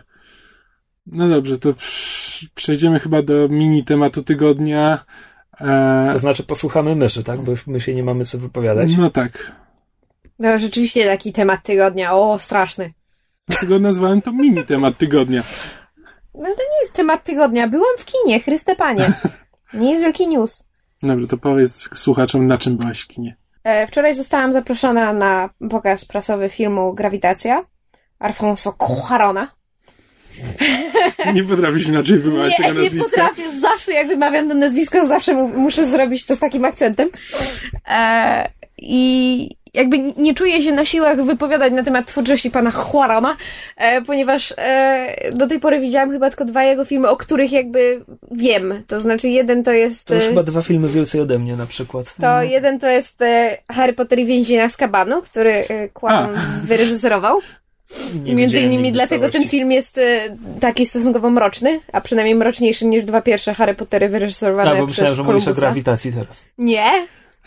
E, a drugi e, film e, Quarona, który widziałam, to jest I twoją matkę też. Ja mama tam bien. Nie, co tego nie widziałem. E, świetny, e, że tak powiem, film właśnie, e, nazwijmy to hiszpańsko-iberoamerykański. Nawet nie bardzo wiem, jak go określić, bo tam e, aktorzy są z różnych nacji. Z, nawet nie, nie do końca jestem pewna, czy Cuarón jest Hiszpanii, hisz, hisz, z Hiszpanii pochodzi, czy gdzieś z południowego, e, że tak powiem, południowej Ameryki. Autentycznie się totalnie pogubiłam w tym, kto jest skąd.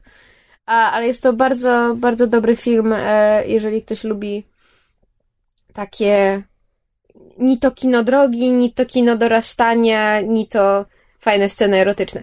Eee, w każdym razie... Ale e, Harry'ego Pottera i więźnia z kabanu e, polecamy.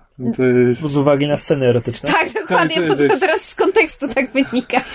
Nie, chciałem tylko powiedzieć, że to jest po prostu bardzo fajny film. Jeden z Tak. najlepszych Potterów, jakie widziałem. Znaczy jest... A ile e, Potterów widziałeś? E, W tym momencie widziałem... Trzy. Nie, nie, bo jeszcze widziałem piątkę, zanim przeczytałem książkę. Aha. Więc, Cztery z ośmiu, tak? Bo było osiem filmów Tak. w końcu. tak. To znaczy ja widziałam wszystkie filmy i jeśli chodzi o, o, o Więźnia z kabanu, to ja mam taki problem, że ja bardzo lubię książkę. To znaczy książka jest moim, moim, moim ulubionym tomem przygód Pottera, a film ma parę bardzo zasadniczych moim zdaniem błędów i przez to jakby mniej go lubię niż, niż by wynikało z mojej sympatii do książki. E, W porównaniu z resztą tych ośmiu filmów, to, to w sumie nawet nie bardzo wiem, jak, jak, jak Więzienia z kabanu by wypadał, bo e, pozostałe części widziałam chyba tylko po, po raz czy po dwa razy, więc to nie mam, nie mam zbyt dużego porównania. A, dwa razy. tak, a no pierwsze trzy filmy właśnie włącznie z Więźniem Azkabanu wyda- widziałam przynajmniej po 10 razy. I to czasami tak, że jednego dnia bym oglądała jeden film w kółko puszczony na replayu w momencie, kiedy, nie wiem, robiłam na drutach albo coś takiego.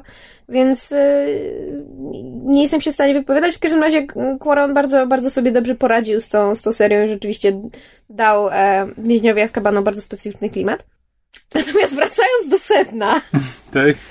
Grawitacja jest dziwnym filmem. To znaczy, Może zacznijmy od tego, o czym jest film. tak, Grawitacja jest filmem o kosmosie. That's basically it. Autentycznie. To znaczy, ten film nie ma praktycznie żadnej fabuły jako takiej, a to, co w niej jest, już żeśmy widzieli na tysiąc sposobów. To znaczy, jest y, misja w kosmosie, jest y, głównodowodzący misji, y, tam Matt Kowalski, grany przez George'a Clooney'a, który, którego pojawienie się w tym filmie w ogóle nie dziwi, bo pojawienie się Clooney'a w czymkolwiek już w ogóle nie dziwi, nieważne w jakiej roli. On po prostu się pojawia w pewnych filmach i, i tam, gdzie jest, jest bardzo dobry. Um, Jak jakiś duch. nie, no po prostu jakby Clooney pojawia się w bardzo różnych gatunkach i jakby w każdym z nich się sprawdza, więc to, że on się pojawił nagle u Quarona zupełnie jakby bez bez powodu, bo tak naprawdę ma bardzo niewiele do grania i jest... No bo Clooney, Clooney dawno temu, tak jak jego przyjaciel Soderbergh, so, Soder, stop, so, Sode, Soderbergh, Soderbergh. właśnie on, po prostu właściwie poszli na, na układ z producentami, to znaczy robią jeden film dla nich, jeden film dla siebie. no tak, I ten jeden mówię, dla siebie to są bardzo różne dziwne rzeczy, tak jak na przykład Syriana. Tak, Syriano, właśnie tak samo chciałam powiedzieć. Więc y, Clooney się, się w grawitacji jak najbardziej sprawdza, chociaż jego rola jest y, w sumie niewielka. E, Jest też y, pani doktor, która zostaje wysłana w kosmos, bo tak, W bo... sensie pani doktor nie jest astronautką, ale leci w kosmos. Tak, no znaczy oczywiście przeszła szkolenie tam półroczne, co w sumie jest bardzo mało, z tego co mi wiadomo, to jest bardzo mało jak na szkolenie, e, bo e, tutaj jest bardzo, bardzo słabo zarysowane, mianowicie ona był jakiś tam prototyp jakiegoś projektu opracowywała na Ziemi i oni nie chcieli go fundować na Ziemi, ale chcieli go zafundować w kosmosie i ona go miała podłączyć do teleskopu Hubble'a. Ale nie bardzo rozumiem, nie bardzo jest wytłumaczone o co chodzi, ja nie rozumiem o co chodzi, w każdym razie wysłali ją w kosmos. I tę panią doktor gra, e, panią doktor Ryan Stone gra Sandra Bullock która od, e, też ma tendencję do grania w bardzo różnych filmach, ale ja mam do Sandy ogromny sentyment i, i będę e, twardo broniła zdania, że e, Sandy umie grać, nieważne w czym, ale umie grać, więc e, tutaj też rzeczywiście nieźle sobie poradziła. Nie pamiętam, kiedy ją ostatni raz widziałem w czymkolwiek. No, ostatnio wygrała Oscara za The Blind Side, więc Nie widziałem. Najwyraźniej Akademia też chciała potwierdzić, że Sandra Bullock potrafi grać. Ja widziałam The Blind Side, rzeczywiście bardzo, bardzo fajny film i... Znaczy, czy ja wiem, czy zasłużony był ten Oscar? Mówmy się, Oscary chyba nigdy nie były Tak. wyznacznikiem czegokolwiek. E, w każdym razie y, za ten film prawdopodobnie też Sandy dostanie nominację do Oscara, bo to jest tego typu film, który po prostu dostaje bardzo dużo nominacji i na pewno parę z nich wygra, zwłaszcza w kategoriach technicznych, do czego zaraz dojdę. Ale oprócz Clooney'a i Sandry Bullock, tak naprawdę w tym filmie jest jeszcze jeden aktor, który pojawia się tylko z głosu. Jakiś e, hinduski aktor, czy, czy wschodni aktor, zupełnie mi nieznany. And that's it. Nikogo więcej w filmie nie widzimy. No i oni są, są na tej misji w kosmosie, coś kombinują z teleskopem Hubble'a, po czym się okazuje, że Rosjanie y, zestrzelili jakąś satelitę i to spowodowało reakcję łańcuchową i teraz w przestrzeni kosmicznej unosi się deszcz e, szczątków, które e, latają dookoła i niszczą wszystko na swojej drodze. No i to zaraz uderzy w nich. I uderza. No i tam dalej toczy się akcja. Znaczy, tyle, jest, tyle jest traileru. Widać, że ta Sandra Bullock tam, o, że tam przewód jej urywa i tak, tak. gdzieś No właśnie odlatuje w jest przestrzeń. bardzo, bardzo, bardzo. e, I to nie jest jakby jedyny tego typu przypadek. To rzeczywiście jest film, w którym wszystkie momenty akcji w filmie są bardzo oparte na, na kosmosie. Znaczy, ja wiem, że obviously, Ciekawe. tak, ale jakby wszystko, co może pójść nie tak, to idzie nie tak i to jest bardzo, bardzo mocno wykorzystywane. To znaczy wszelkiego rodzaju liny, które mogą się urwać, wszelkiego rodzaju zderzenia z różnymi sprzętami, bo człowiek lata w próżni, się obraca wokół własnej osi, nie może się, prawda, zatrzymać, jeżeli nie ma jakichś jetpacków czy czegoś takiego. Wszystko, wszystko to jest bardzo, bardzo wykorzystane. Film jest sprzedawany jako thriller. Taki z tego thriller jak ze mnie kaczuszka. To znaczy, inaczej, film trzyma w napięciu, A. ale bynajmniej nie dlatego, że, że jest thrillerem. To znaczy, napięcie wynika z czego innego niż moim zdaniem z definicji thrillera wynika. To znaczy, w filmie napięcie wynika tylko i wyłącznie z tego, że bohater filmu jest w stanie napięcia, ale nie wynika z tego, że sytuacja jest napięta. I don't know if I'm making any sense here. Nie, zupełnie nie. No nie, właśnie. nie mam pojęcia, co próbujesz Widzę, powiedzieć. widzę po minie Krzyśka, że totalnie nie, mi jestem w stanie wydaje, się wyrazić. Znaczy, no, no, że to jest dla, dla postaci w filmie, te sytuacje, w których się znajdują, są pełne napięcia, ale nie dla widza, tak? Tak, bo po prostu widz ogląda ten film na zasadzie, aha, rozumiem, okej, bohater w tym momencie jest, nie wiem, zestresowany, przerażony i tak dalej, ale jakby na widza to nie działa. Może mówię... po prostu nie empatyzowałeś z bohaterką Znaczy z jakiegoś powodu. Chciałam tutaj zaznaczyć, że mówię o przeciętnym widzu, ponieważ na mnie ten film e, zadziałał, to znaczy ja byłam przez cały film spięta, ale bardzo prostego, z bardzo prostego powodu, mianowicie mnie kosmos przeraża i dla mnie ten film to nie był thriller, tylko właściwie horror. E, bo... Dobra, czekaj, jeśli ty byłaś przejęta filmem przez cały Znaczy, czas trwania nie filmu, to czemu ja mówisz, byłam- że film nie działa i na zwykłego widza nie zadziała? Bo Bo zwierz się. Bo, bo rozmawiałam z. Bo e, okazuje się, że na pokazie prasowym e, był też e, zwierz popkulturalny, który również prowadzi bloga kulturalnego i żeśmy się, my się znamy e, na stopie towarzyskiej, żeśmy się po filmie spotkały i poszło na kawę i żeśmy o filmie rozmawiały. I żeśmy wspólnie stwierdziły, że pomijając właśnie moje jakby ogólne spięcie, które trwało cały film z tego prostego powodu, że o mój Boże, to jest kosmos, wszystko może pójść nie tak. I ja bym była spięta nawet gdyby to były e, nawet gdyby to był film o tym, że jakie cudne są gwiazdki, jakie piękne są galaktyki, bo po prostu tak na mnie działa kosmos i tak na mnie s- na takiej samej zasadzie działają głębiny oceanu, więc ja bym mogła oglądać film o rybce Nemo i ja bym była przerażona, co zresztą ma miejsce, jak oglądam film, gdzie jest Nemo. E, ale ogólnie żeśmy ze zwierzem stwierdziły, że to jest jakby film, który który nie wywołuje w widzu napięcia, a jedynie poniekąd możemy jakoś to napięcie, że tak powiem, obserwować w bohaterce. To nie jest film, który, który jest thrillerem, to jest tak naprawdę bardziej e, w swojej istocie dramat. I jest to film. Ja widzę, że ty masz straszny problem z tym, jak ja opowiadam o tym filmie. Nie pró- próbuję zrozumieć. No dobrze, więc to nie jest thriller, ale to jest dramat. Okej, ale czy to jest dobry film? Fabularnie nie, to jest mniej więcej. Nie wiem, czy teraz bardzo film, filmowi pojadę, w każdym razie to jest mniej więcej taki film jak Avatar, co jest o tyle śmieszne, że ja Awatara nie widziałam. To znaczy- Czekaj, nie, czekaj, czekaj. Jak Nie. nie widziałaś Awatara, to nie, Nie, ja że to jest dokładnie, film jak ja Avatar. dokładnie wiem, co ja mówię. To znaczy, to jest film, który ma wtórną i banalną fabułę, ale cudowne efekty wizualne. No dobra, to jest... To jest Avatar. Nie. To jest Avatar. To jest Avatar. Nie mówisz mi inaczej. To jest. Nie, Avatar jechał na jest 3D. Jakby oglądany Em, na płaskim ekranie. Byłam w IMAXie. Oglądałam ten film na 3D, wiem co mówię. Teraz mówisz o grawitacji, ja mówię o Avatarze. Tak. No ale to jest dokładnie ta sama zasada. Grawitacja i awatar jadą dokładnie na tym samym, że są olśniewające wizualnie i banalne fabularnie. No dobra, no nie będzie.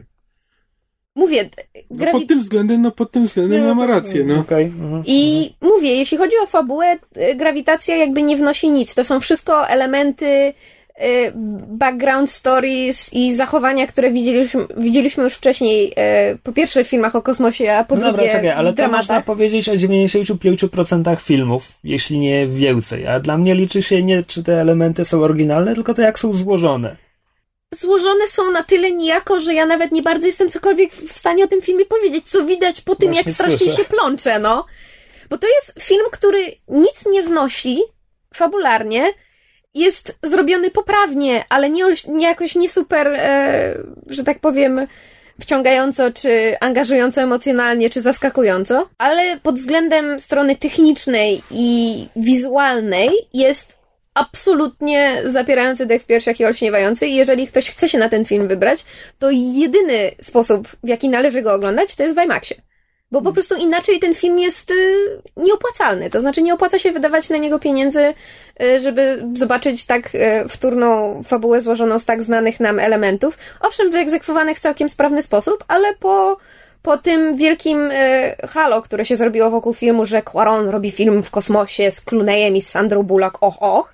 Wiesz, Naprawdę mniejsza, spodziewałam się mniejsza o więcej. Halo, że robi film, ale on ma jakby bardzo dobre opinie, zbierał na jakichś różnych festiwalach, No pokazach bo i tak mówię, dalej. on jest absolutnie olśniewający i to, co robi, robi dobrze, ale to jest wszystko tak oparte na tym aspekcie tego unoszenia się w próżni, e, widoków Ziemi z kosmosu, widoków kosmosu z kosmosu, e, zbliżeń na zestresowaną i przerażoną twarz Sandry Bullock i narracji z offu Clooney'a, bo to jest właściwie główny aspekt filmu, to jest, to jest głos. My praktycznie nie widzimy ich twarzy, tylko widzimy, jak się unoszą w kosmosie, jak już są zbliżenia na twarze, to takie, wiesz, niemalże do dziurki od nosa wchodzimy. No to to, co robi, robi dobrze, ale to jest wszystko tak widać, co Quaron próbował zrobić, kręcąc film w ten sposób i mnie jako jakby um, widza, który nie jeden film widział, to trochę drażni, bo spodziewałam się, że zrobi to trochę subtelniej. Znaczy, nie wiem, ja sobie wyobrażam, że to jest właśnie film, znaczy nie widziałem filmu, tylko mówię, teraz mówię o, jakby o tym, po tym, co mówisz, jakby po tym, co widziałem i czytałem o filmie, no to, że to jest taki film festiwalowy, który się właśnie opiera na klimacie, fabuły w nim szczególnie nie ma, opiera się na klimacie i na grze aktorskiej i właśnie i ujęciach ładnych, ale, no, ale dla kogoś, kto po prostu ogląda filmy dla historii, no to pewnie nie będzie No interesujący. tak, to jest właśnie taki typowy film festiwalowy. Nie powiedziałabym, że to jest film indie, ale jakby pod względem właśnie tego, że ma bardzo niewiele historii, bardzo niewiele fabuły, ona jest bardzo mm, pobieżnie zarysowana i jest szalenie znajoma, a tak poza tym to jest przede wszystkim e, długie ujęcia, jakieś wewnętrzne przeżycia bohaterów, zbliżenia i strona techniczna, no to pod względem, pod tym względem to jest film jak najbardziej, mówię, właśnie festiwalowy i przede wszystkim to jest film pod Oscara, no jakby ten film dostanie nominację do Oscarów. Podejrzewam, że Sandra Bullock też dostanie nominację za, do, do, do Oscara za ten film. I ten film wygra bardzo wiele nomi- Oscarów technicznych, bo rzeczywiście pod tym względem to, jak ten film jest zrobiony, jest niesamowite. Ja bym bardzo chętnie obejrzała film o tym, jak oni kręcili ten film, bo to jest to, co mnie e, fascynuje. To, to, jak oni właśnie jakby nakręcili te ujęcia w, w, prawda, w zero grawitacji, jak, jak wyrenderowali e, te zdjęcia kosmosu, czy oni rzeczywiście fotografowali kosmos, czy oni to wszystko zrobili w komputerze, to by było dla mnie interesujące, ale pod względem postaci, ich przeżyć emocjonalnych, ich jakichś historii, to jest absolutnie... E. Okej. Podsumowując ten jednoosobowy e, pojazd po grawitacji, jeżeli ktoś e, lubi właśnie kino festiwalowe, ewentualnie jest fanem Quarona, bądź Clooney'a, bądź pani Bullock, to jak najbardziej może się do kina wybrać, ale z całego serca radzę, żeby jednak wydać te dodatkowe pieniądze i pójść do IMAXa. A jeżeli ktoś e, był tylko filmu ciekawy, to albo niech po prostu idzie do IMAXa, tylko niech potem nie, nie dzwoni do mnie z pretensjami, że poszedł na średni film, albo niech po prostu kompletnie oleje, bo, bo nie warto. Znaczy, prawdę mówiąc, mnie nie zniechęciłeś. Znaczy, ja nadal właśnie dokładnie, e, znaczy, ja dokładnie miałem taki obraz tego filmu, tak jak mi teraz o nim opowiadasz i taki film chciałem zobaczyć i prawdopodobnie go i tak zobaczę. No ja, ja niestety spodziewałam się jakby więcej i, i troszeczkę, znaczy nie tyle się zawiodłam, ale myślałam, że będzie tego więcej i jestem taka trochę... Ugh.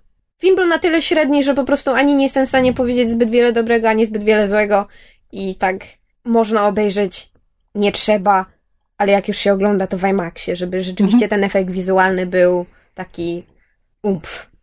Bo wizualnie jest rzeczywiście umpf. Okej. To by było chyba na tyle. Koniec. Będziesz to robić za każdym razem? It's awkward and adorable. You're awkward and adorable. I know. That's why it works. Słuchaliście podcastu Myszmasz. Możecie nas znaleźć na myszamovie.blogspot.com oraz marvelcomics.pl Podcast nagrany został w studiu Kobart. www.kobart.pl Jeśli macie jakieś komentarze, pytania albo sugestie, jesteśmy także na Facebooku. Podcast Myszmasz dostępny jest także na iTunes. Jeśli wystawicie nam ocenę, będziemy szczęśliwi jak łajka w kosmosie.